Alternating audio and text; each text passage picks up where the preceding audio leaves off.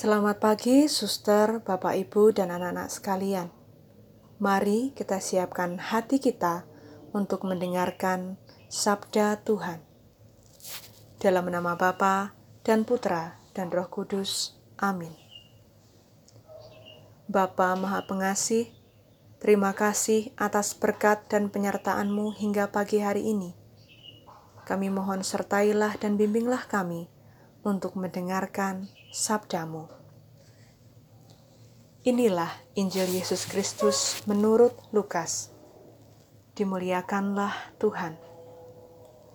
Pada suatu ketika, berkatalah Yesus kepada murid-muridnya, "Ada seorang kaya yang mempunyai seorang bendahara.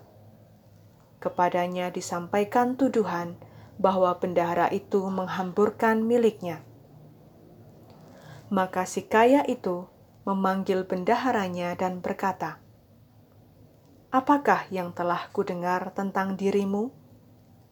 Berilah pertanggungjawaban atas urusanmu, sebab engkau tidak boleh bekerja sebagai bendahara lagi.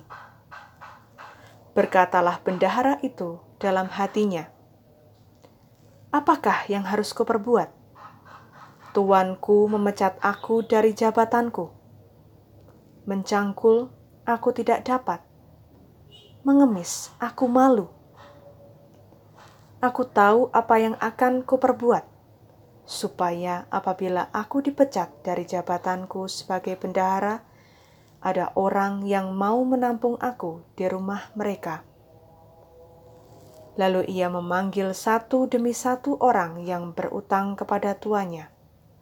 Berkatalah ia kepada yang pertama, Berapa besar utangmu pada tuanku?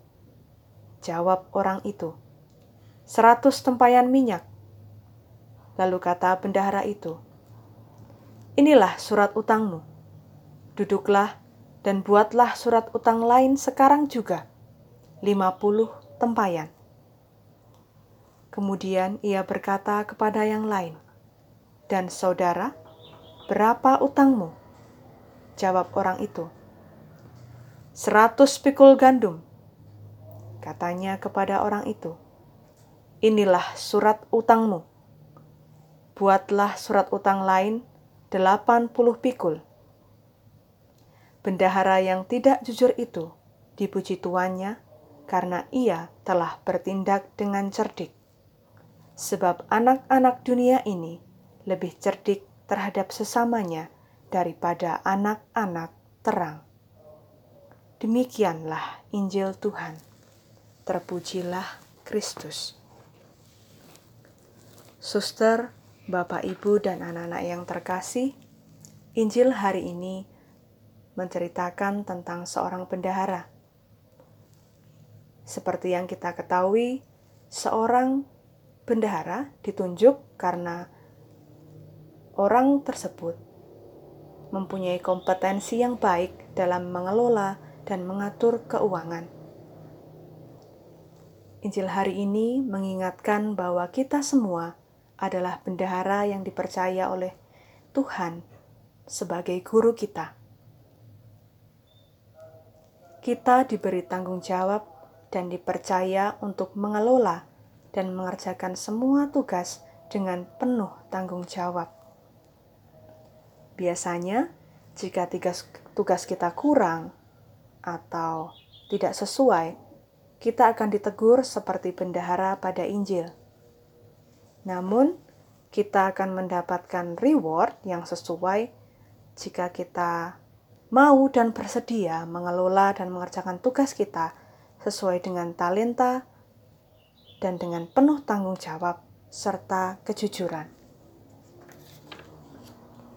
Maka dari itu, mari kita sebagai bendahara atau murid yang dipercaya Tuhan, orang tua dan guru kita, mulai dari sekarang kita kerjakan semua tugas kita dengan jujur dan penuh tanggung jawab. Amin. Terima kasih ya Tuhan atas Injil yang boleh kami dengar dan renungkan hari ini. Semoga pesan Injil yang baru saja kami dengar menuntun kami dalam melaksanakan semua tugas dan tanggung jawab kami. Amin.